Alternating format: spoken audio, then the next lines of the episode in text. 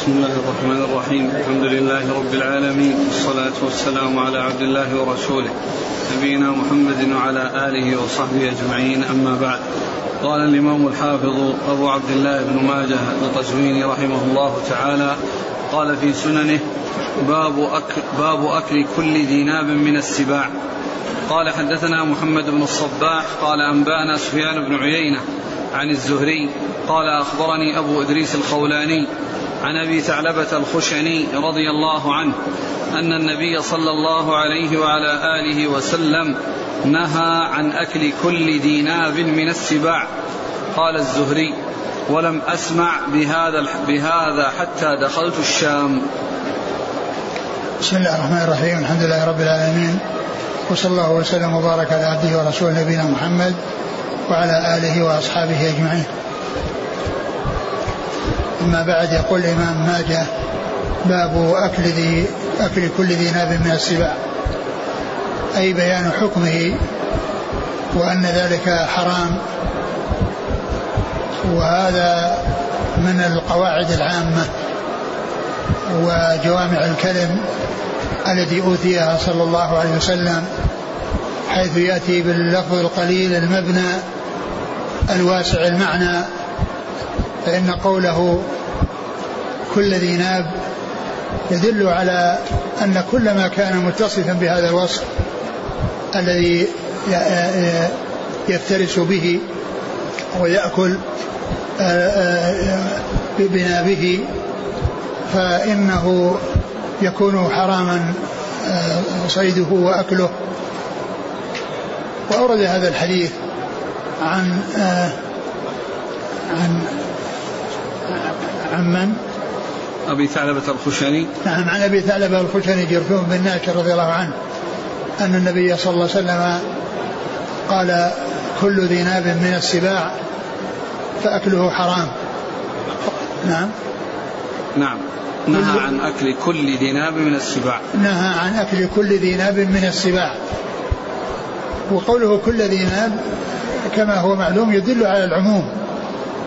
فكل ما كان بهذا الوصف وكل ما كان من, أه- من متصفا بهذا الوصف فإن فإنه حرام. لا يجوز أكله. حرام لا يجوز أكله. فهو من الكلمات الواسعة العامة التي هي قليلة المبنى ولكنها واسعة المعنى وهي من جملة جوامع كلمة صلى الله عليه وسلم. نعم. قال حدثنا محمد بن الصباح. هو صدوق أخرج حيث أبو داود وابن ماجه. عن سفيان بن عيينة. ثقة أخرج أصحاب الكتب. عن الزهري. محمد بن مسلم عبد الله. ثقة أخرج أصحاب الكتب. عن أبي إدريس الخولاني رضي الله آه، وهو ثقة أخرج أصحاب الكتب. عن أبي ثعلبة الخشني رضي الله عنه أخرج حديث أصحاب الكتب. قال الزهري ولم أسمع بهذا حتى دخلت الشام. يعني أنه من حديث أهل الشام. لأن هذا الحديث من أحاديث أهل الشام. لأن أبا إدريس الخولاني هو من أهل الشام. نعم. قال حدثنا أبو بكر بن أبي شيبة قال حدثنا أبو معاوية قال حدثنا معاوية بن هشام. حا قال وحدثنا أحمد بن سنان وإسحاق بن منصور. قال حدثنا عبد الرحمن بن مهدي. قال حدثنا مالك بن أنس عن إسماعيل بن أبي حكيم. عن عبيدة بن سفيان عن أبي هريرة رضي الله عنه عن النبي صلى الله عليه وسلم أنه قال أكل كل ذي ناب من السباع حرام.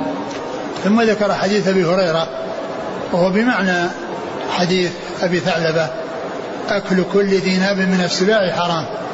أكل كل ذي ناب من السباع حرام. فهو آه، صيغة عموم مثل الحديث السابق نهى عن أكل كل ذي ناب من السباع. نعم. قال حدثنا أبو بكر بن أبي شيبة ثقة أخرج أصحاب الكتب إلى الترمذي. عن معاوية بن هشام. وهو؟ صدوق له أوهام رجل البخاري المفرد ومسلم وأصحاب السنن. نعم. حا قال وحدثنا أحمد بن سينان. هو ثقة رجله أصحاب الكتب إلا الترمذي وإلا النسائي في مسند مالك. وإسحاق بن منصور.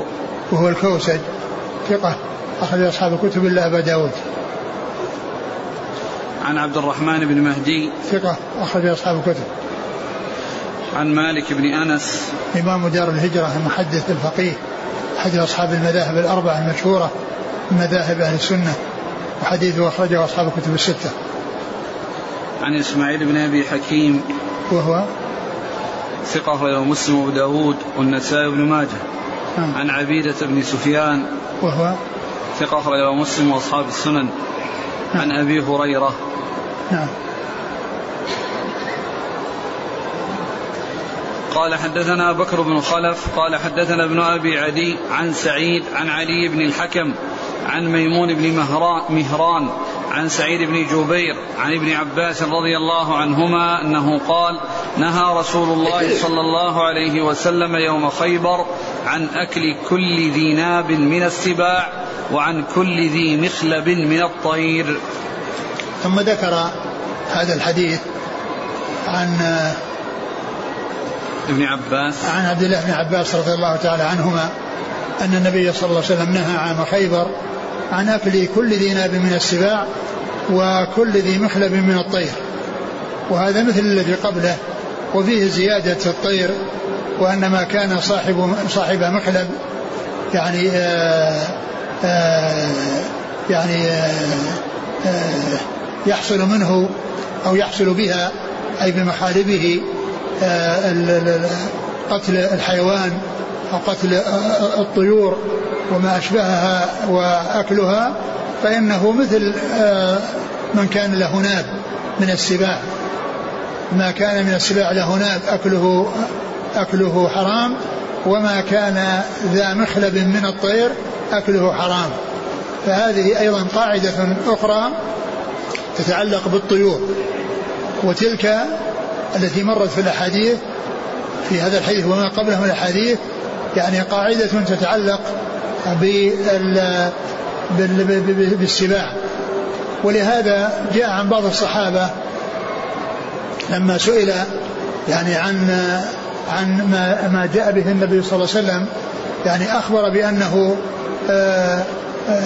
ما من طائر يقلب جناحيه في السماء إلا وأعطانا عنه علما. ما من طائر يقلب جناحيه في السماء إلا وقد أعطانا عنه علما.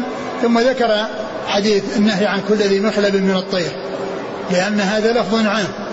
يعني يبين أن ما كان من الطيور آه، ذا مخلب فإنه حرام وما لم يكن كذلك مما لا يحصل منه افتراس الطيور وأكلها وأخذها بمخلبه وتقطيعها وتمزيقها بمخلبه فإنه يكون حراما إذا كان كذلك. فهذا ولهذا قال ما, ما من طائر يقلب جناحيه في السماء إلا وأعطانا عنه علما. فقوله صلى الله عليه وسلم كل ذي كل ذي مخلب من الطير هذا يشمل كل ما يطير في السماء.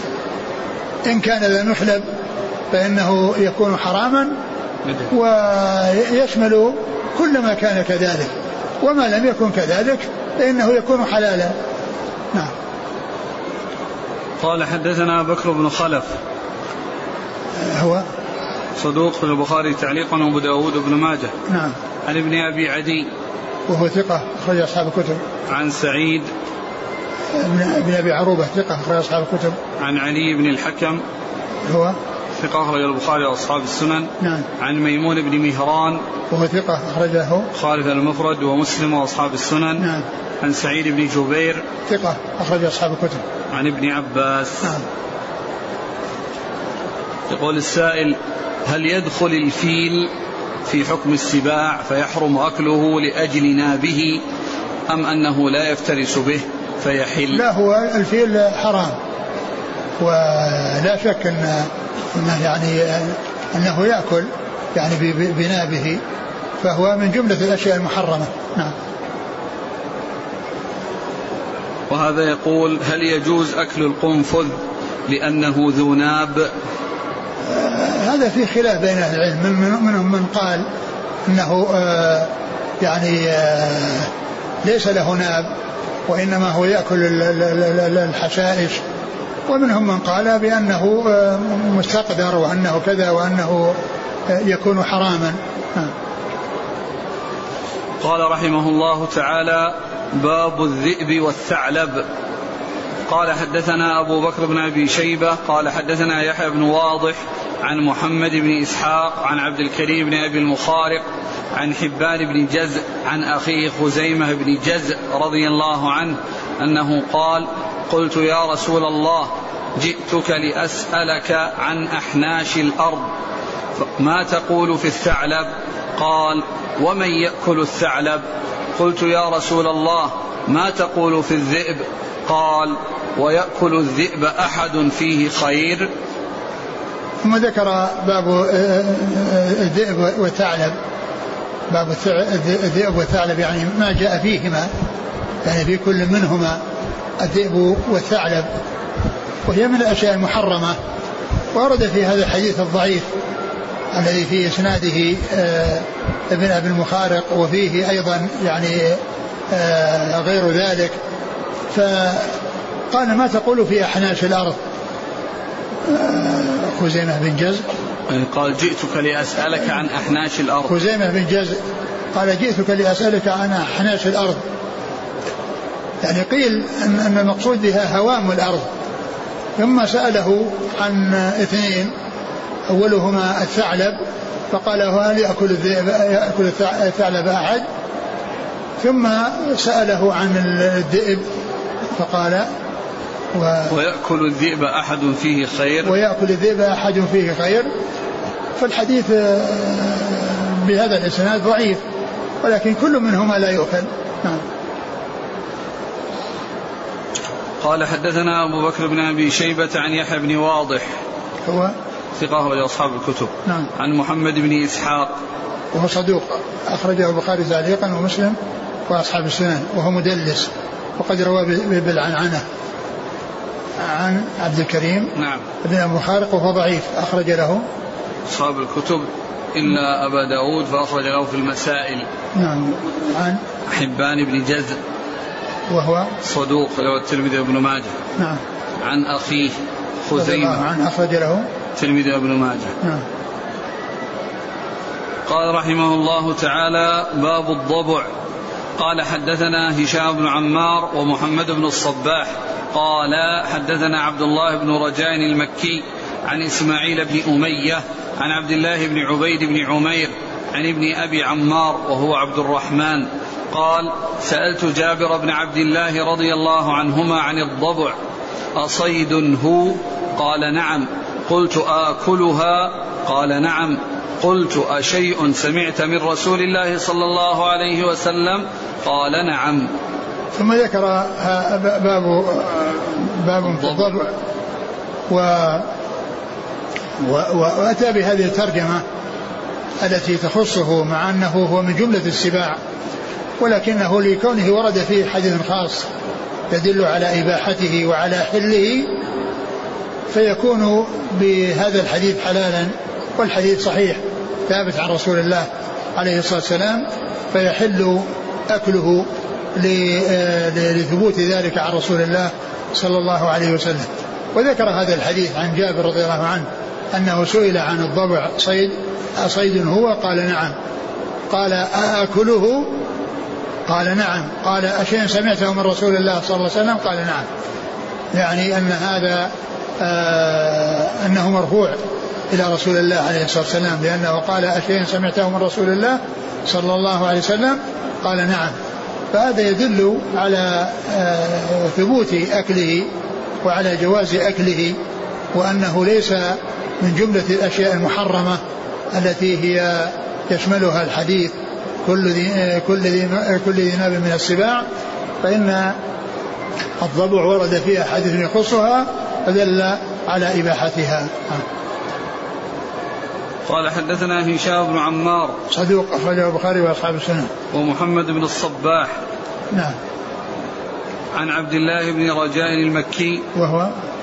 ثقة أخرج البخاري القراءة ومسلم وأبو داود والنسائي بن ماجه. نعم. عن إسماعيل بن أمية. وهو؟ ثقة أخرج أصحاب الكتب. مم. عن عبد الله بن عبيد بن عمير. وهو ثقة أخرجه مسلم وأصحاب السنن. نعم. عن ابن أبي عمار وهو عبد الرحمن. وهو ثقة أخرجه مسلم وأصحاب السنن. نعم. عن جابر بن عبد الله. نعم. قال حدثنا أبو بكر بن أبي شيبة. قال حدثنا يحيى بن واضح عن ابن إسحاق عن عبد الكريم بن أبي المخارق عن حبان بن جزء عن خزيمة بن جزء رضي الله عنه أنه قال قلت يا رسول الله ما تقول في الضبع؟ قال ومن يأكل الضبع؟ ثم ذكر هذا الحديث الضعيف الذي فيه الذي هو مثل الأسناد الذي مر فيما يتعلق بالذئب والثعلب وهو مخالف للحديث الصحيح لأن الحديث الصحيح الذي عن جابر يدل على حله وثبوته وأنه حلال وهذا يدل على حرمته وأنه لا يؤكل. وأن النبي صلى الله عليه وسلم سئل عن الضبع فقال أو يأكل الضبع أحد؟ يعني معناه إنكار. أن يكون مأكولا لكن الحديث غير صحيح لأن فيه ابن أبي المخارق وقد عرفنا أنه ضعيف. نعم. قال رحمه الله تعالى باب الضب. قال حدثنا أبو بكر بن أبي شيبة. قال حدثنا محمد بن فضيل عن حسين عن زيد بن وهب عن ثابت بن يزيد الأنصاري.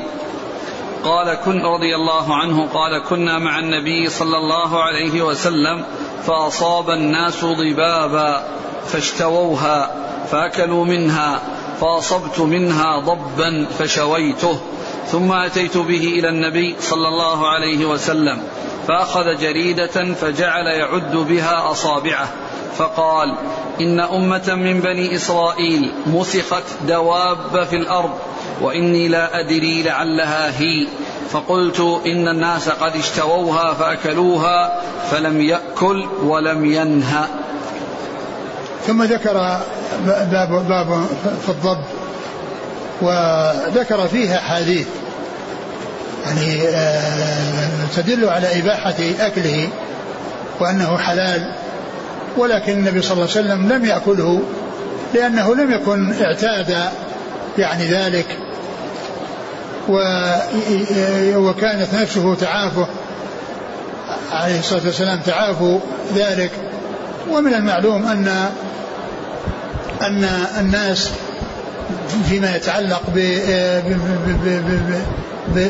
بالمأكولات وبالمطعومات يتفاوتون. فمنهم من آه، آه، نفسه يعجبها نوع من من من, من المأكولات. ومن الذبائح ومن الصيد ومن الناس من لا من لا يعجبه آه، هذا لا يعجب غيره. فالناس متفاوتون. والرسول عليه الصلاة والسلام قال لا أكله ولا أحرمه. فكونه لم يحرمه يعني معناه أنه مباح. ثم أيضا الأصل هو الإباحة. الأصل في الحيوانات أنها الإباحة. ثم أيضا هذا الذي جاء النبي صلى الله عليه وسلم في قوله لا أكله ولا أحرمه يعني كون لا يحرمه معناه أنه مباح. ولكن كونه لا يأكله لا لأنه حرام ولكن لأنه كان يعافه أو يستقدره أو أنه لا يعجبه. وكما جاء في بعض الأحاديث لم يكن بأرض قومي يعني فأجدنا أعافه فلم يكن معتادا لأكله ولم يكن آلفا لأكله وإنما هو غريب عليه. ولكنه كما جاء في الأحاديث أكل بحضرته صلى الله عليه وسلم وهو لا يقر على باطل صلوات الله وسلامه وبركاته عليه.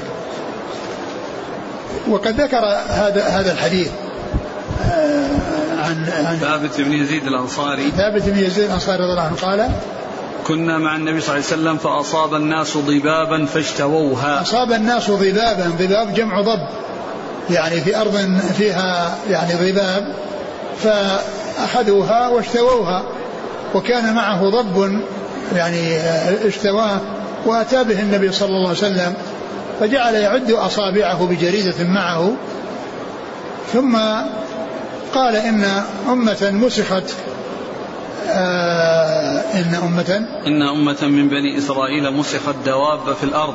إن أمة بني إسرائيل مسخت دواب في الأرض فلا أدري أهذه يعني هذا النوع يعني من هذا الذي مسخ هذا النوع أو يعني التي هو الضباب من النوع الذي آه، حصل مسخه آه، ثم قال لا أكله. فقلت إن الناس قد اشتووها فأكلوها فلم يأكل ولم ينهى. نعم قال قلت أن الناس اشتووها وأكلوها فلم يأكل ولم ينهى. فكونه لم ينهى يدل على أنه ليس بحرام وأنه حلال وكونه لم يأكل يدل على أنه لا يعجبه هذا النوع من من الصيد وهذا النوع من المأكولات لأنه لم يكن ألف ذلك صلوات الله وسلامه وبركاته عليه. ثم إنما جاء في هذا الحديث من التردد أو في كونه لا يدري يعني هل هذه الأمة التي مسخت دواب أنها هذا النوع أو أن هذا من نسلها. ولكنه جاء في الحديث الصحيح في صحيح مسلم أن النبي صلى الله عليه وسلم أخبر كأنه لم ي... أن الله لم يجعل لأمة مسخت نسلا يعني معناه أن الذين مسخوا يعني يفنون ولا يتوالدون. فلم يكن هذه الأشياء الموجودة نسلا لأولئك الذين مسخوا. لأن لأنه جاء في الحديث الصحيح أن الذي مسخ لا يبقى له لا, لا يعيش ولا يكون له نسل. يعني لا يعيش ولا يكون له نسل فعلى هذا يعني يكون النبي صلى الله عليه وسلم قال ذلك قبل أن يعلم أو قبل أن يوحى إليه بأن الذين مسكوا لا يبقى لهم نسل. وإنما هم يعني يمسكون ثم يموتون دون أن يتناسلوا. هذا هو الذي ثبت في صحيح مسلم. يعني عن النبي عليه الصلاة والسلام. وعلى هذا فيكون هذا الذي كان الرسول تردد فيه هل هو هل هذه ممن كانوا مسخوا أو ليست؟ جاء ما يدل على أن الذين مسخوا لا يبقى لهم نسل. وإنما يهلكون دون أن يتناسلوا. نعم. قال حدثنا أبو بكر بن أبي شيبة عن محمد بن فضيل. ابن غزوان صدوق أخرج له أصحاب الكتب. عن حسين. وهو ثقة أخرج له أصحاب الكتب. عن زيد بن وهب. وهو ثقة أخرج أصحاب الكتب. نعم. عن ثابت بن يزيد الأنصاري. رضي الله عنه أخرج له أبو داود والنسائي بن ماجه. نعم. قال حدثنا أبو إسحاق الهروي إبراهيم بن عبد الله بن حاتم قال حدثنا إسماعيل بن علية عن سعيد بن أبي عروبة عن قتادة عن سليمان اليشكري عن جابر بن عبد الله رضي الله عنهما أن النبي صلى الله عليه وعلى آله وسلم لم يحرم الضب ولكن قذره وإنه لطعام عامة الرعاء وإن الله عز وجل لينفع به غير واحد. ولو كان عندي لأكلته. الثاني. قال حدثنا أبو سلمة يحيى بن خلف قال حدثنا عبد الأعلى عن سعيد بن أبي عروبة عن قتادة عن سليمان عن جابر عن عمر بن الخطاب رضي الله عنهما عن النبي صلى الله عليه وسلم نحوه. ثم ذكر هذا الحديث عن عن عن عن, عن جابر وعن عمر أن قال إيش؟ قال أن النبي صلى الله عليه وسلم لم يحرم الضب ولكن قدره. نعم أن النبي صلى الله عليه وسلم لم يحرم الضب ولكنه قدره. لم لم يقل إنه حرام ولكنه لا يعجبه ونفسه تعابه. فلم يأكله صلى الله عليه وسلم ولكنه أكل بحضرته. نعم. بعده. وإنه لطعام عامة الرعاء. وإنه لطعام عامة الرعاء يعني رعاء الإبل والغنم الذين يكون في البر يعني يصطادون هذه الضباب ويأكلونها فهي طعامهم. نعم. وإن الله عز وجل ينفع به غير واحد. وأن الله تعالى ينفع به غير واحد يعني ينفع به كثيرا من الناس. نعم. ولو كان عندي لأكلته. ولو كان عندي لأكلته. قال إيش أول حديث؟ أول حديث. أن النبي صلى الله عليه وسلم لم يحرم الضب نعم. ولكن قدره. نعم. وإنه لطعام عام يعني هذا كلام كلام جابر. كلام جابر. وفي الحديث الثاني كلام عمر. يعني يبين أن الرسول صلى الله عليه وسلم لم يحرمه وإنما قدره. وأخبر أنه طعام آه، أكثر الرعاء. وأنه آه، آه، وأنه وإنه وإن الله عز وجل ينفع به غير واحد نعم. ولو كان عندي لأكلت ولو كان عندي لأكلت يقوله جابر في الطريقة الأولى ويقوله عمر في الطريقة الثانية لأنه في الأول من كلام جابر وفي الثاني من كلام عمر كلام عمر عن جابر عن عمر. والحديث فيه انقطاع بين قتادة وبين سليمان اليشكري نعم. وبين سليمان اليشكري. لكن الحديث جاء من طريق أخرى في صحيح مسلم مشتمل على هذه الجمل مشتمل على هذه الجمل من من طريق عمر رضي الله تعالى عنه وأرضاه وفيه هذه الجمل التي جاءت في هذا الحديث. فاذا هو يعني آه ثابت عن عمر رضي الله تعالى عنه. نعم. قال حدثنا أبو إسحاق الهروي إبراهيم بن عبد الله بن حاتم هو؟ صدوق الترمذي بن ماجه. نعم. عن إسماعيل بن علية ثقة أخرج أصحاب الكتب. عن سعيد بن أبي عروبة عن قتادة نعم. عن سليمان اليشكري وهو؟ ثقة أخرج الترمذي بن ماجه نعم. عن جابر. نعم. قال حدثنا أبو سلمة يحيى بن خلف هو؟ صدوق له مسلم وأبو داود الترمذي بن ماجه نعم. عن عبد الأعلى. ابن عبد الأعلى ثقة أخرج أصحاب الكتب. عن سعيد بن أبي عروبة عن قتادة عن سليمان عن جابر عن عمر. نعم. قال حدثنا أبو كريب قال حدثنا عبد الرحيم بن سليمان عن داود بن أبي هند عن أبي نضرة عن أبي سعيد الخدري رضي الله عنه أنه قال نادى رسول الله صلى الله عليه وسلم رجل من أهل الصفة حين انصرف من الصلاة. فقال يا رسول الله إن أرضنا أرض مضبة فما ترى في الضباب؟ قال بلغني أنه أمة مسخت فلم يأمر به ولم ينه عنه. ثم ذكر هذا الحديث أن رجلا من أهل الصفة نادى رسول الله صلى الله عليه وسلم وقال إن في أرض مضبة يعني مكان فيه ضباب يعني مكان تكثر فيه الضباب. فما تأمر فما تأمرني؟ فما ترى في الضباب. فما ترى في الضباب. قال إن أمة مسخت إن أمة إن أمة مسخت فلم. بلغني أنه أمة مسخت. فلم يأمر به ولم ينهى. بلغني أنه أمة مسخت فلم يأمر به ولم ينهى عنه. وهذا مثل ما تقدم من جهة أنه قال هذا قبل أن يعلم بأنه ليس لمن مسخ نسل وأنهم ينقرضون دون أن يتناسلوا. فإذا تكون هذه الحيوانات التي هي الضباب أو غيرها مما جاء من كون النبي صلى الله عليه وسلم لا يدري هل هي كذا أو كذا يعني معنى ذلك أنه جاء الوحي فيما بعد في بيان أن من مسخ لا يكون له نسل كما تقدمت الإشارة إليه في آه، في صحيح مسلم. نعم. قال حدثنا أبو كريب. محمد بن العلاء ثقة. أخرج أصحاب الكتب وهو شيخ لأصحاب الكتب. عن عبد الرحيم بن سليمان وهو ثقة أخرج أصحاب الكتب. عن داود بن أبي هند وهو ثقة أخرج له. قال تعليقا ومسلم وأصحاب السنن. نعم. عن أبي نضرة المنذر بن مالك بن قطعة وثقة أخرجه البخاري تعليقا ومسلم وأصحاب السنن. عن أبي سعيد الخدري. نعم.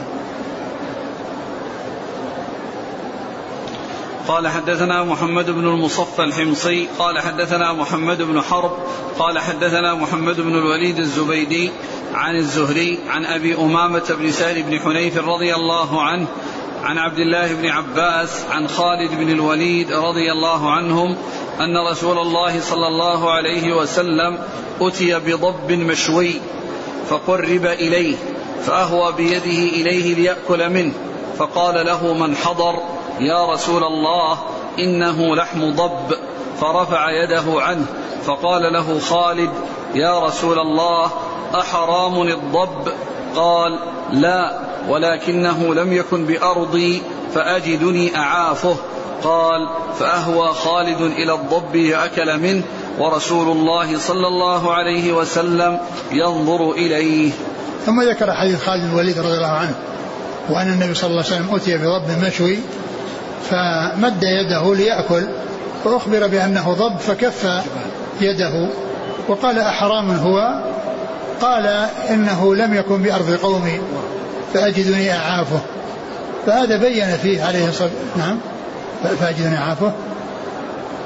قال لم يكن بأرض قومي أو بأرضي قال لم يكن بأرضي فأجدني أعاف نعم. لم يكن بأرضي يعني ليس بأرض قومه فأجدني أعافه لأنه لم يألفه ولم يعتده. وهذا يبين آه، أن النبي صلى الله عليه وسلم ما تركه لحرمته وإنما تركه لكونه ما اعتاده ولم يألفه ونفسه تعافه. ثم إن خالد بن الوليد رضي الله عنه قال حرام هو قال لا. وبين له ذلك فأكله بين يدي رسول الله صلى الله عليه وسلم والنبي عليه الصلاة والسلام ينظر إليه. ولو كان والنبي صلى الله عليه وسلم لا يقر على على باطل ولا يقر على حرام لأن السنة عن رسول الله عليه الصلاة والسلام تثبت بطرق ثلاث. يعني أولها أن القول يعني ما قاله النبي عليه الصلاة والسلام أو ما أضيف إلى النبي صلى الله عليه وسلم من قوله. والثاني ما فعله عليه الصلاة والسلام أو ما أضيف إليه من فعله.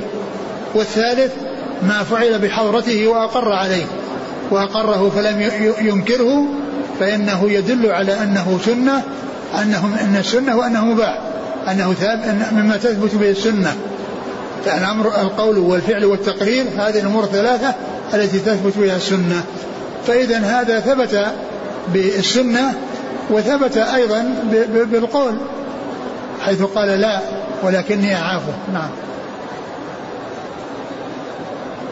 قال حدثنا محمد بن مصفى الحمصي. صدوق أخرج له. أبو داود النسائي بن ماجه. نعم. عن محمد بن حرب. وهو؟ ثقة أخرج أصحاب الكتب. نعم. عن محمد بن الوليد الزبيدي. وهو ثقة أخرج له. أصحاب الكتب إلا الترمذي. نعم. عن الزهري. عن نعم. أبي أمامة بن سهل بن حنيف. رضي الله عنه وهو أخرج أصحاب, أصحاب الكتب. نعم. عن عبد الله بن عباس. نعم. عن خالد بن الوليد. أخرجه أصحاب الكتب. إلا الترمذي. نعم. قال حدثنا محمد بن المصفى قال حدثنا سفيان بن عيينة عن عبد الله بن دينار عن ابن عمر رضي الله عنهما أنه قال قال رسول الله صلى الله عليه وسلم لا أحرم يعني الضب. ثم ذكر هذا الحديث عن ابن عمر أن قال لا أحرم يعني الضب. وهذا يدل على إباحته لأنه إذا لم يحرمه فهو حلال. ما لم يحرمه فهو حلال. نعم. قال حدثنا محمد بن المصفى عن سفيان بن عيينة ثقة أخرج أصحاب الكتب. عن عبد الله بن دينار ثقة أخرج أصحاب الكتب. عن ابن عمر. نعم. قال رحمه الله تعالى باب الأرنب. قال حدثنا محمد بن بشار قال حدثنا محمد بن جعفر وعبد الرحمن بن مهدي قال حدثنا شعبة عن هشام بن زيد عن أنس بن مالك رضي الله عنه أنه قال مررنا بمر الظهران فأنفجنا أرنبا فسعوا إليها فلغبوا فسعيت حتى أدركتها فأتيت بها أبا طلحة رضي الله عنه فذبحها فبعث بعجوزها ووركها إلى النبي صلى الله عليه وسلم فقبلها. ثم ذكر باب في الأرنب يعني وأنها من الصيد المباح. الذي أباحه الله وأحله. وذكر هذا الحديث عن أنس أنهم كانوا مع النبي صلى الله عليه وسلم في في مر الظهران وهو وادي قريب مكة. يعني يقال له الجموم الآن ويقال له وادي فاطمة وهو قريب من مكة من جهة المدينة. فأنفجوا أرنبا يعني أثاروها وخرجت من من المكان التي مختبئة فيه فهربت فلحقها الناس فلغبوا يعني معناه تعبوا لأن اللغوب هو التعب. وما مسنا من لغوب يعني يعني تعب وإعياء. لا يمسهم فيها نصب ولا يمسهم فيها لغوب. يعني أهل الجنة لأنهم ينعمون فيها لا يصيبهم تعب ولا نصب. ف فلغبوا فلحقتها ويعني أخذتها. فأتيت بها إلى أبي طلحة وهو زوج أمه فذبحها وأهدى إلى النبي صلى الله عليه وسلم ويعني وركها وفخذها. نعم، فبعث بعجزها ووركها. بعث بعجزها ووركها إلى النبي صلى الله عليه وسلم فقبله. قوله فقبله يعني يدل على أنها من الطيبات وأنها مما حله الله لأن النبي صلى الله عليه وسلم أقرهم على ما حصل لهم وقبل منهم هذه الهدية من هذه الأرنب التي آه يعني آه صادوها. ويدل الحديث أيضا على أن أنس رضي الله عنه من أهل السبق وأنه يعني آه يعني أنه سبق غيره. الذين لحقوها وتعبوا هو استمر حتى أدركها. ومن الصحابة الذين عرفوا بالسبق سلمة بن الأكوع رضي الله عنه. فإنه كان سباقا يعني في جريه ومشيه في جريه. نعم. بس هذه أرنب يا شيخ. وش أرنب ذي. إيش هي؟ يعني سريعة ما يصيدها حتى الكلب يلا يجيبها. نعم. الأرنب في سرعتها يعني سرعة أنس رضي الله عنه سرعة فائقة. اي نعم. نعم هو يدل على سرعته وأن الجماعة الذين معه تعبوا. يعني جروا حتى تعبوا. نعم. وأرض الوادي أرض سهلة تراب يعني الركض فيها. نعم. قال حدثنا محمد بن بشار ثقة أخرج أصحاب الكتب. عن محمد بن جعفر غندر ثقة أخرج أصحاب الكتب. وعبد الرحمن بن مهدي عن شعبة. شعبة ثقة أخرج أصحاب الكتب. عن هشام بن زيد وهو ثقة أخرج أصحاب الكتب. عن أنس بن مالك. قال حدثنا أبو بكر بن أبي شيبة قال حدثنا يزيد بن هارون قال أنبأنا داود بن أبي هند عن الشعبي عن محمد بن صفوان رضي الله عنه أنه مر على النبي صلى الله عليه وسلم بأرنبين معلق معلق معلقهما. فقال يا رسول الله إني أصبت هذين الأرنبين فلم أجد حديدة أذكيهما بها فذكيتهما بمروة. أفآكل؟ قال كل. ثم ذكر هذا الحديث عن محمد بن صفوان وقد سبق أن مر هذا الحديث عن محمد بن صيفي وأن الصواب هو محمد بن صفوان كما جاء هنا. وقد كان مر على النبي صلى الله عليه وسلم ب آه، ومعه آه، أرنبان قد آه، يعني ذبحهما وعلقهما يعني معلقات يعني في يعني في يعني اما على ناقته. اذا كان راكبا أو أنه معلقهما بيده.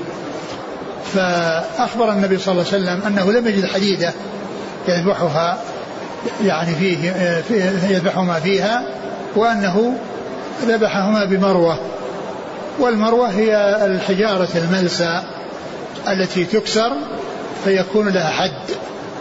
عندما تكسر وتكون قطعتين يكون لها حد يذبح به. وهذا يدل على الذبح بالحصى وبالخشب وبالزجاج وبكل شيء إلا الظفر والعظم كما سبق أن مر في الحديث عن رسول الله صلى الله عليه وسلم ها.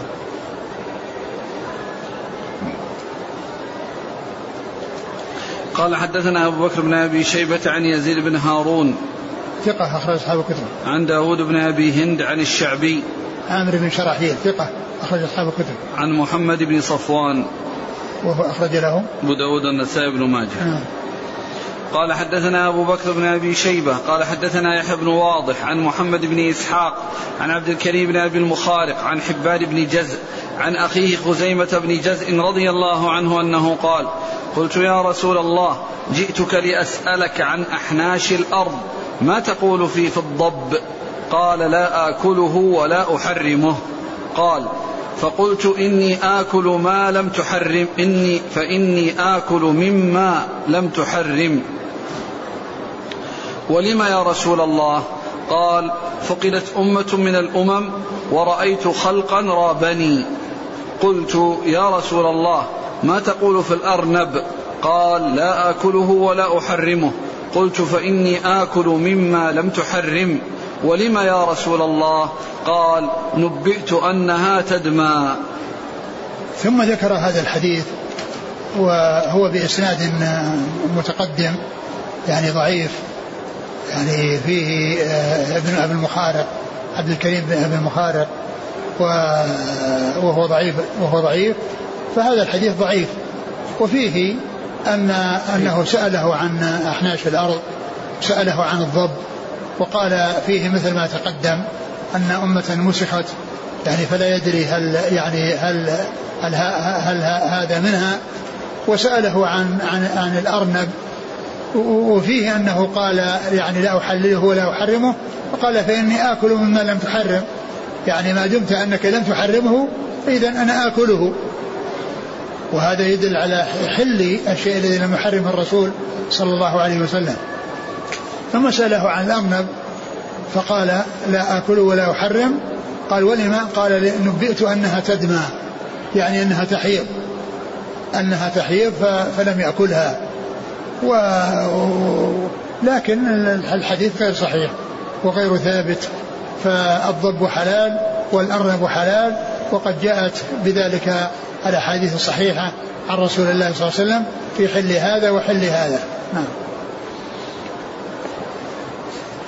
قال رحمه الله تعالى باب الطافي من صيد البحر. قال حدثنا هشام بن عمار قال حدثنا مالك بن أنس قال حدثني صفوان بن سليم عن سعيد بن سلمة من آل بن الأزرق أن المغيرة بن أبي بردة وهو من بني عبد الدار حدثه أنه سمع أبا هريرة رضي الله عنه يقول قال رسول الله صلى الله عليه وسلم البحر الطهور ماؤه الحل ميتته. ثم ذكر باب الطافي على البحر. من صيد البحر. الطافي من صيد البحر. يعني الطافي هو الذي آه، مات وطفى على سطحه. يعني آه، صار فوقه طافيا. يعني مرتفعا أو بارزا على ظهره أو على سطح الماء لأنه قد مات. و آه، أورد فيه هذا الحديث عن أبي هريرة أن النبي صلى الله عليه وسلم قال في البحر هو الطهور ماؤه الحل ميتته. هو الطهور ماؤه يعني أن أنه يتطهر به ويتوضأ به كما يتطهر بماء الماء الذي في البر. وأيضا الحل ميتته. الحل ميتته يعني أن ميتته حلال. فيدخل في ذلك ما طفى فوق البحر أو ما جزر عنه البحر أو ما جزر عنه البحر ومات لكون الماء جزر عنه فسواء كان مات فيه وطفى على ظهره أو أنه آه، جزر عنه ومات لكون الماء جزر عنه لأن البحر يصير يمد وجزر فيظهر معه إذا مد وانتشر وزاد فإذا انحسر و فإنه يبقى في المكان الذي فيه ماء فيموت. فكل ذلك حلال لأنه داخل تحت عموم قوله صلى الله عليه وسلم الحل ميتته. نعم. قال حدثنا هشام بن عمار عن مالك بن أنس عن صفوان بن سليم. صفوان بن سليم هو ثقة أخرج أصحاب الكتب. ثقة أخرج أصحاب الكتب وقد جاء في ترجمته أنه يعني كان من العباد فقيل لو قيل له أن القيامة تكون غدا لو قيل له أن القيامة تكون غدا فإنه لا يأتي بعمل جديد لأنه دائما على استعداد للموت بالأعمال الصالحة. ومثل هذه الكلمة التي جاءت عنه ما جاء عن هشام بن حسان أنه لو قيل لهشام بن حسان أن ملك الموت بالباب لم يكن بإمكانه أن يأتي بعمل جديد لأنه دائما على استعداد للموت بالأعمال الصالحة. نعم يقول الذهبي في الكاشف يقال إنه لم يضع جنبه أربعين سنة. إيه الله أعلم. وقيل إن جبهته ثقبت من كثرة السجود. نعم. وكان قانعا هذا هذا يكون لكن بس يكون ما وضع جنبه أربعين سنة. نعم. وكان قانعا لا يقبل جوائز السلطان. نعم. يعني من الأشياء اللطيفة التي آه، بمناسبة ذكر جوائز السلطان ابن رجب البغدادي ذكر في ترجمة المعمر بن آه، آه، ابن حجر ابن رجب الحنبلي ذكر في ترجمة المعمر بن علي البغدادي في ذيل طبقات الحنابلة أنه جاء إلى يعني أمير من الأمراء ونصحه فأعطاه يعني دنانير كثيرة فقال له آه، أبى أن يأخذها. فقال له آه، يعني فرقها على المساكين. قال المساكين على بابك أكثر منهم على بابي. المساكين على بابك أكثر منهم على بابي. نعم. عن سعيد بن سلمة. وكان مما قال يعني له في نصيحته اعمر قبرك كما عمرت قصرك. اعمر قبرك كما عمرت قصرك. وقال في أولها أن أن من كان في ولاية فإنه ليس مخير بأن يفتح بابه أو يغلقه بل عليه أن يفتح بابه لأنه يعني يتحمل مسؤولية. فليس مخيرا بالوافد والوارد والوافد.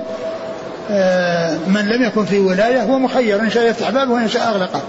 أما من كان في ولاية فعليه أن يفتحه لأنه آه، لأنه قد باع زمنه فأكل ثمنه. فلم يكن له في نهاره ما يتصرف فيه باختياره وليس له أن يصلي نفلا ولا أن يدخل معتكفا لأن يعني قيامه بأمور الناس الذين هو مسؤول عنهم واجب وكونه يعتكف ويصلي نوافل هذه سنة ولا يتشاغل بسنة عن عن واجب. وقد قال الحافظ بن حجر في في فتح الباري نقلا عن بعض الأكابر أنه قال من شغله الفرض عن النفل من شغله الفرض عن النفل هو معذور ومن شغله النفل عن الفرض فهو مغرور. نعم. عن سعيد بن سلمة هو؟ وثقه النسائي أخرجه أصحاب السنن. نعم. عن المغيرة بن أبي بردة هو؟ ثقه النسائي أخرجه أصحاب السنن. نعم. عن أبي هريرة. نعم.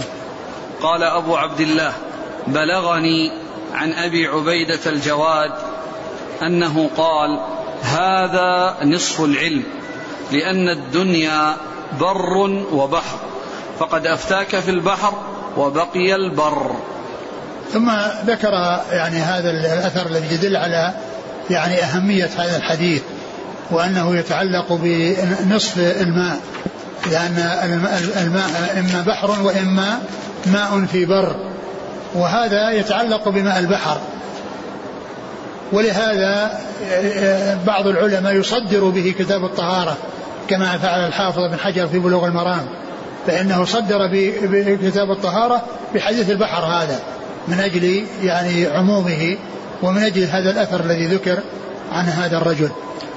و يعني هذا الرجل الذي قال يعني آآ آآ يعني آآ لا لا أدري من هو لكن ذكر بعض يعني المخرجين لل للحديث أنه لعله أبا عبيدة بن أبو عبيدة الحداد. وأبو عبيدة الحداد هو من رجال التقريب. أبو عبيدة الحداد من رجال التقريب وهو من الطبقة التاسعة الذين لم يدركهم ابن ماجه. ولهذا قال بلغني. لكن ما رمز له بابن ماجه. ها؟ أصلا ما رمز له؟ لا. إيه. إيه ما أدري هل هو هو, هو أو غيره؟ يعني الجواد تصحفت يعني إذا صار الحداد فيه مصحفه إن كان هو الحداد فهي مصحفه بعدين هنا يعني ليس له رواية. ليس من أقول ليس ليس في الإسناد. أقول فكونه يعني ما رمز له يعني أنه ما ما جاء في الإسناد. قال حدثنا أحمد بن عبده قال حدثنا يحيى بن سليم الطائفي قال حدثنا إسماعيل بن أمية عن أبي الزبير عن جابر بن عبد الله رضي الله عنهما أنه قال قال رسول الله صلى الله عليه وسلم ما ألقى البحر أو جزر عنه فكلوه. وما مات فيه فطفى فلا تأكلوه.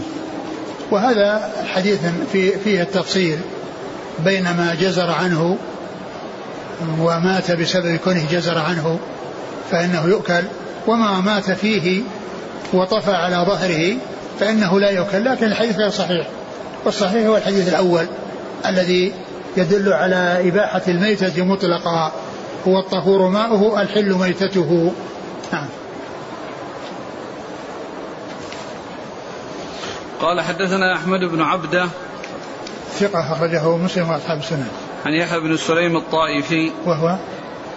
صدوق سيء الحفظ أخرجه أصحاب الكتب. نعم. عن إسماعيل بن أمية. هو؟ ثقة أخرج أصحاب الكتب. نعم. عن أبي الزبير. عن أبي الزبير هو محمد بن مسلم بن تدرس صدوق وهو معنعن يعني مدلس وقد روى بالعنعنه نعم. عن جابر. نعم. قال رحمه الله تعالى باب الغراب. قال حدثنا أحمد بن الأزهر النيسابوري. قال حدثنا الهيثم بن جميل. قال حدثنا شريك عن هشام بن عروة عن أبيه عن ابن عمر رضي الله عنهما أنه قال من يأكل الغراب وقد سماه رسول الله صلى الله عليه وسلم فاسقا. والله ما هو من الطيبات. ثم ذكر هذا هذا الأثر عن باب الغراب. والغراب هو أحد الفواسق الخمس التي جاءت في حد الرسول صلى الله عليه وسلم. خمس فواسق اقتلنا في الحل والحرم ومنها الغراب. إيش قال؟ من يأكل الغراب وقد سماه صلى الله عليه وسلم فاسقا؟ من الذي قاله؟ من هو الصحابي؟ ابن عمر. نعم. قال من يأكل الغراب وقد سماه الرسول صلى الله عليه وسلم فاسقا؟ يعني في حديث أنه من جملة الفواسق الخمس. والله والله ما هو من الطيبات. والله ما هو من الطيبات لأن آه كون الرسول صلى الله عليه وسلم وصفه بأنه فاسق كما وصف الفويسقة اللي هي الفأرة فويسقة كذلك وصف يعني خمسة يعني في حديث واحد يعني في الصحيحين وأنها تقتل في الحل والحرم ومنها الغراب. نعم قال حدثنا أحمد بن الأزهر. هو؟ صدوق له النسائي بن ماجه نعم. عن الهيثم بن جميل. وهو صدوق أخرج له. ثقة أخرج البخاري في المفرد وأبو داود في القدر والنسائي في مسند علي وابن ماجه. نعم. عن شريك. بن عبد الله النخعي الكوفي صدوق. أخرج البخاري تعليقا ومسلم أصحاب السنن. عن هشام بن عروة. وهو ثقة. أخرج أصحاب الكتب. عن أبيه عروة بن الزبير. آه، ثقة فقيه أخرج أصحاب الكتب. عن ابن عمر. نعم. قال حدثنا محمد بن بشار قال حدثنا الأنصاري قال حدثنا المسعودي قال حدثنا عبد الرحمن بن القاسم بن محمد بن أبي بكر الصديق عن أبيه عن عائشة رضي الله عنها أن رسول الله صلى الله عليه وسلم قال الحية فاسقة والعقرب فاسق والفأرة فاسقة والغراب فاسق. فقيل للقاسم أيؤكل الغراب؟ قال من يأكله بعد قول رسول الله صلى الله عليه وسلم فاسق؟ ثم ذكر هذا الحديث الذي في هذه الأربع التي هي الفأرة والحية والعقرب والغراب وأنها كل واحد وصف بأنه فاسق ومعنى ذلك أنه لا يؤكل. ولهذا قال القاسم من يأكل الغراب وقد سماه النبي صلى الله عليه وسلم فاسقا؟ وهذا نفس الكلام الذي مر عن ابن عمر رضي الله تعالى عنه. نعم. قال حدثنا محمد بن بشار عن الأنصاري. ومحمد بن عبد الله الأنصاري وهو ثقة أخرج أصحاب الكتب. عن المسعودي. وهو عبد الرحمن بن بن عبد الله بن عتبة وهو صدوق آه، اختلط و آه، هنا يعني الراوي عنه آه، من هو؟ الأنصاري محمد بن عبد نعم الله محمد الأنصاري هو لي- ليس من سمع منه قبل الاختلاط لكنه توبع وقد روى عنه آه، مع تابعه من روى عنه قبل الاختلاط وهو أبو نعيم الفضل بن دكين. نعم. عن آه، أخرج له البخاري تعليقا وأصحاب السنن. نعم. عن عبد الرحمن بن القاسم. وهو ثقة أخرج أصحاب الكتب. عن أبيه. القاسم محمد بن أبي بكر ثقة فقيه أحد فقهاء المدينة السبعة في عصر التابعين. أخرج أصحاب الكتب. عن عائشة. نعم. قال رحمه الله تعالى باب الهرة.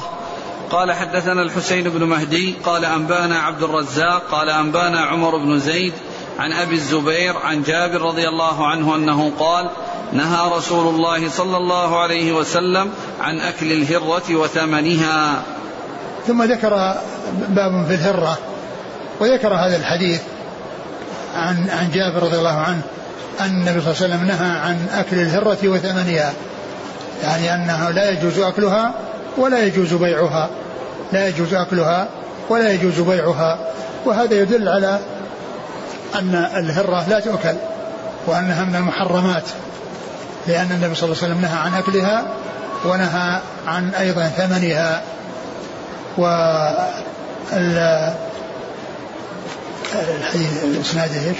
إسناد الحديث الحسين بن مهدي عن عبد الرزاق عن عمر بن زيد عن أبي الزبير عن جابر. عمر بن زيد هذا إيش قال فيه؟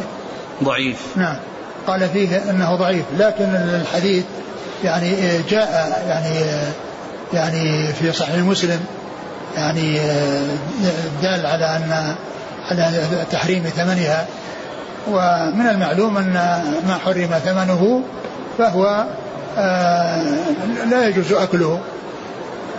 وقد سبق أن مر الحديث في آه، أن أن ثمن السنور يعني نهى عن ثمن السنور فيما مضى عند ابن ماجه في كتاب البيوع. تقدم في كتاب البيوع النهي عن ثمن السنور. وهو في صحيح مسلم. وعلى هذا فلا يجوز أكل الهرة ولا بيعها. نعم. أعرف. قال حدثنا الحسين بن مهدي. هو؟ صدوق الترمذي بن ماجه. نعم. عن عبد الرزاق عن عمر بن زيد. عبد الرزاق بن همام الصنعاني ثقة أصحاب الكتب. وعمر بن زيد ضعيف. خرجه أبو داود الترمذي بن ماجه. نعم. عن أبي الزبير عن جابر نعم والله تعالى أعلم وصلى الله وسلم وبارك على عبده ورسوله نبينا محمد وعلى آله وأصحابه أجمعين. جزاكم الله خيرا وبارك الله فيكم ولامكم الله الصواب وفقكم للحق. نفعنا الله ما سمعنا وغفر الله لنا ولكم وللمسلمين أجمعين آمين. يقول بعض من يسكن المناطق الباردة جدا يصطادون الحوت الكبير ويشربون دمه ساخنا. فهل قوله صلى الله عليه وسلم الحل ميتته؟ يدخل في إباحة دم هذه الأشياء.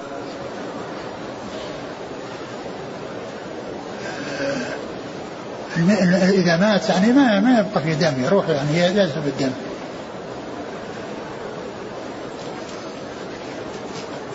هم يصطادونه يعني قد يصطادونه حي بالشبك. الدم إذا كان الدم يعني صار مسوح يعني عموم عموم الحديث يعني عموم ما جاء في القرآن ودما مسوحا يعني سائلا يعني لا يجوز الإنسان استعماله.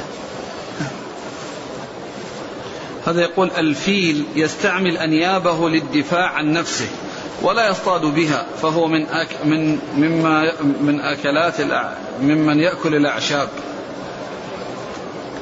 هو هو حرام. ليس بحلال فيه يقول هل المقصود بالضبع الذي يأكل الحيوانات مثل الذئب والنمر ونحوها أو المراد بالضبع الحلال هو الذي يأكل الأعشاب؟ هو كما هو معلوم من الضبع المعروف باسمه اسم الضبع. يعني وهو من من الصيد وهو من المتوحش. يعني في البر فيعني مثل ما يقال الذئب والفهد والأسد وما إلى ذلك كل هذه أسماء للمسميات. فالضبع واحد منها باسمه و يعني وقد وقد استثني بالحديث الذي يخصه. يسأل عن التمساح هو من حيوانات الماء هل وله ناب؟ فما حكمه؟ ما أتذكر لا أدري. حية الماء. بعض العلماء قال يعني قال حية الماء وعن التمساح وكذا أنها لا تجوز لكن لا أدري يعني إيش الوجه. هذا أتى بنقل عن الحلزون.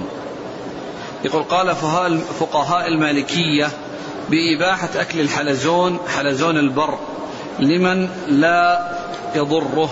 بشرط تذكيته كما يذكى الجراد. ولعل من يأكل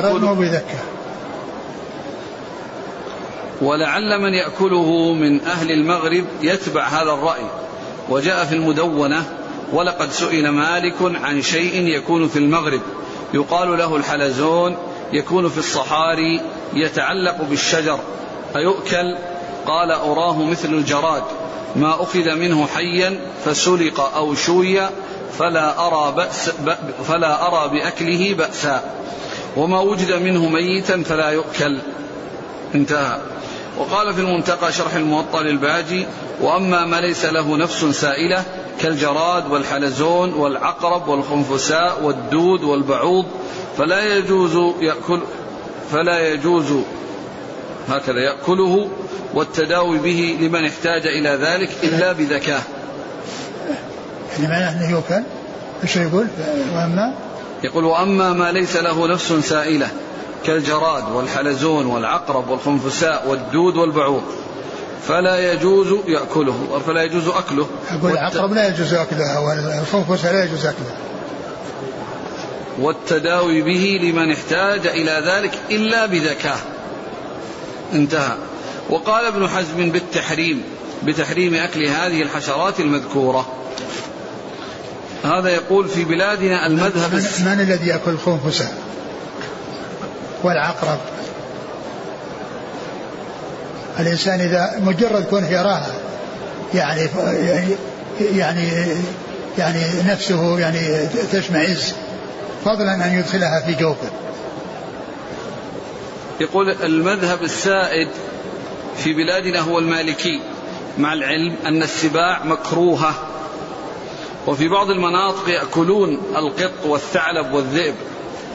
فهل إذا دخلت المطعم وقدم لي طعام فيه لحم هل يجوز أن أسأل أو آكل على المذهب؟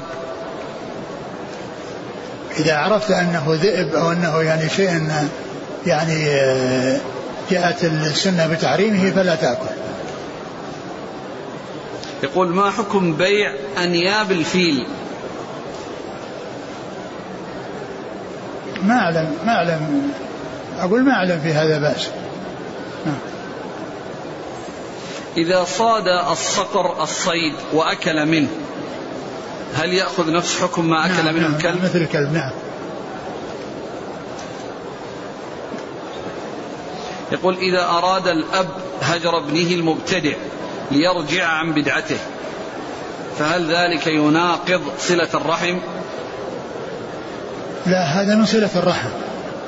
لأن كون كونه يعان على نفسه وعلى الاستقامة وينقذ من من ما وقع فيه من الضرر هذا من أعظم الصلة صلة الأرحام. ما هي القضية الصلة تكون بالمال أو بغير ذلك؟ بل كون الإنسان يساعد الإنسان ويعينه وينصحه ويسعى إلى إنقاذه من مما هو واقع فيه من من البدع والمحدثات هذا من أعظم صلة الأرحام ومن أعظم الإحسان الذي يكون بين القرابات. هل اتخذتم بخاتم الحديد أو النحاس محرم وما توجيه حديث التمس ولو خاتما من حديد استعمال الحديد لا يجوز لأنه حلية أهل النار. لكن ما ورد في الحديد إشارة إلى أنه تافه وليس بلازم أنه يعني آه، أنه آه، يلبسه وأنه يمكن يمكن أن يحوله إلى شيء آخر. يقول اتفق مجموعة من الطلاب عندنا في الجامعة على دخول موقع للمبتدعة لأجل مناظرتهم فما نصيحتكم؟ آه، قد يكون الإنسان آه، يدخل ليناظر ثم يكون يغلبه ذلك المبتدع. فالإنسان الذي ما يكون عنده القوة ولا عنده التمكن آه، ما يصلح أنه يدخل في في مثل هذه المجالات. وإنما يمكن أن يكون البيان الحق في كتابة لأن الكتابة يكون الأمر فيها واضح ويكون فيها تمام. بخلاف إذا كان مناظرة والإنسان ما يكون عنده قدرة وليس عنده تمكن فقد يغلبه أو قد يظهر عليه تظهر الغلبة لهذا المبتدع. فلا يناسب يعني مثل هذا لمن لم يكن متمكنا جدا بحيث أنه يعرف أنه متمكن في الشريعة ومتمكن يعني في المعقول وال يعني ال يعني نقلا وعقلا. من كان كذلك يمكن. أما مجرد كل إنسان يدخل فإن هذا قد يجلب الضرر ولا يأتي بالمصلحة. يقول فضيلة الشيخ في الآونة الأخيرة ازداد انتشار الملابس الرياضية التي تحمل أسماء لاعبي الكرة من اليهود والنصارى وغيرهم من المشركين ومن المؤسف انكباب الشباب على محلات هذه الألبسة واقتناء هذا هذه الملابس. وهذه الملابس تحمل شعارات قد تحوي على صلبان أو رموز شركية. فما توجيهكم؟ أولا يعني ينبغي للشباب أن لا ينصرفوا إلى اللهو واللعب وإنما ينصرف إلى الجد وإلى الشيء الذي يعود عليهم في دينهم ودنياهم. وأما انغماسهم في اللعب وانهماكهم في اللعب فهذا لا يفيدهم يعني شيئا وإنما يعني يلحق قد يلحقهم الضرر بذلك. وما كان فيه يعني صلبان أو ما إلى ذلك من أمور محرمة أو أمور واضحة فهذا يجب اجتنابه والابتعاد عنه. شخص لعن زوجته هل في ذلك إخراج كفارة؟ فيه التوبة. ليس فيه كفارة وإنما فيه التوبة وحفظ اللسان. من مثل هذا الكلام الباطل الساقط الهابط. يقول شاركت رجلا في تجارة وعقدت معه ذلك ثم تبين لي أنه يغش ويكذب في معاملته وماله غير طيب وقد وجدت رجلا آخر. فهل يجوز لي أن أبطل المعاملة الأولى وأشترك مع الثاني؟ إذا كان يعني تبين لك أو اتضح لك يعني شيء ما كان واضحا لك من قبل وأنه يتعامل بالحرام وأنه آه، يحصل منه غش فلا تستمر معه وإنما عليك أن تنتهي معه وتتعامل مع يعني مع من تعرف فيه السلامة أو تبقى أنت بدون مشاركة اشتغل بنفسك. جزاكم الله خيرا. سبحانك اللهم وبحمدك أشهد أن لا إله إلا أنت أستغفرك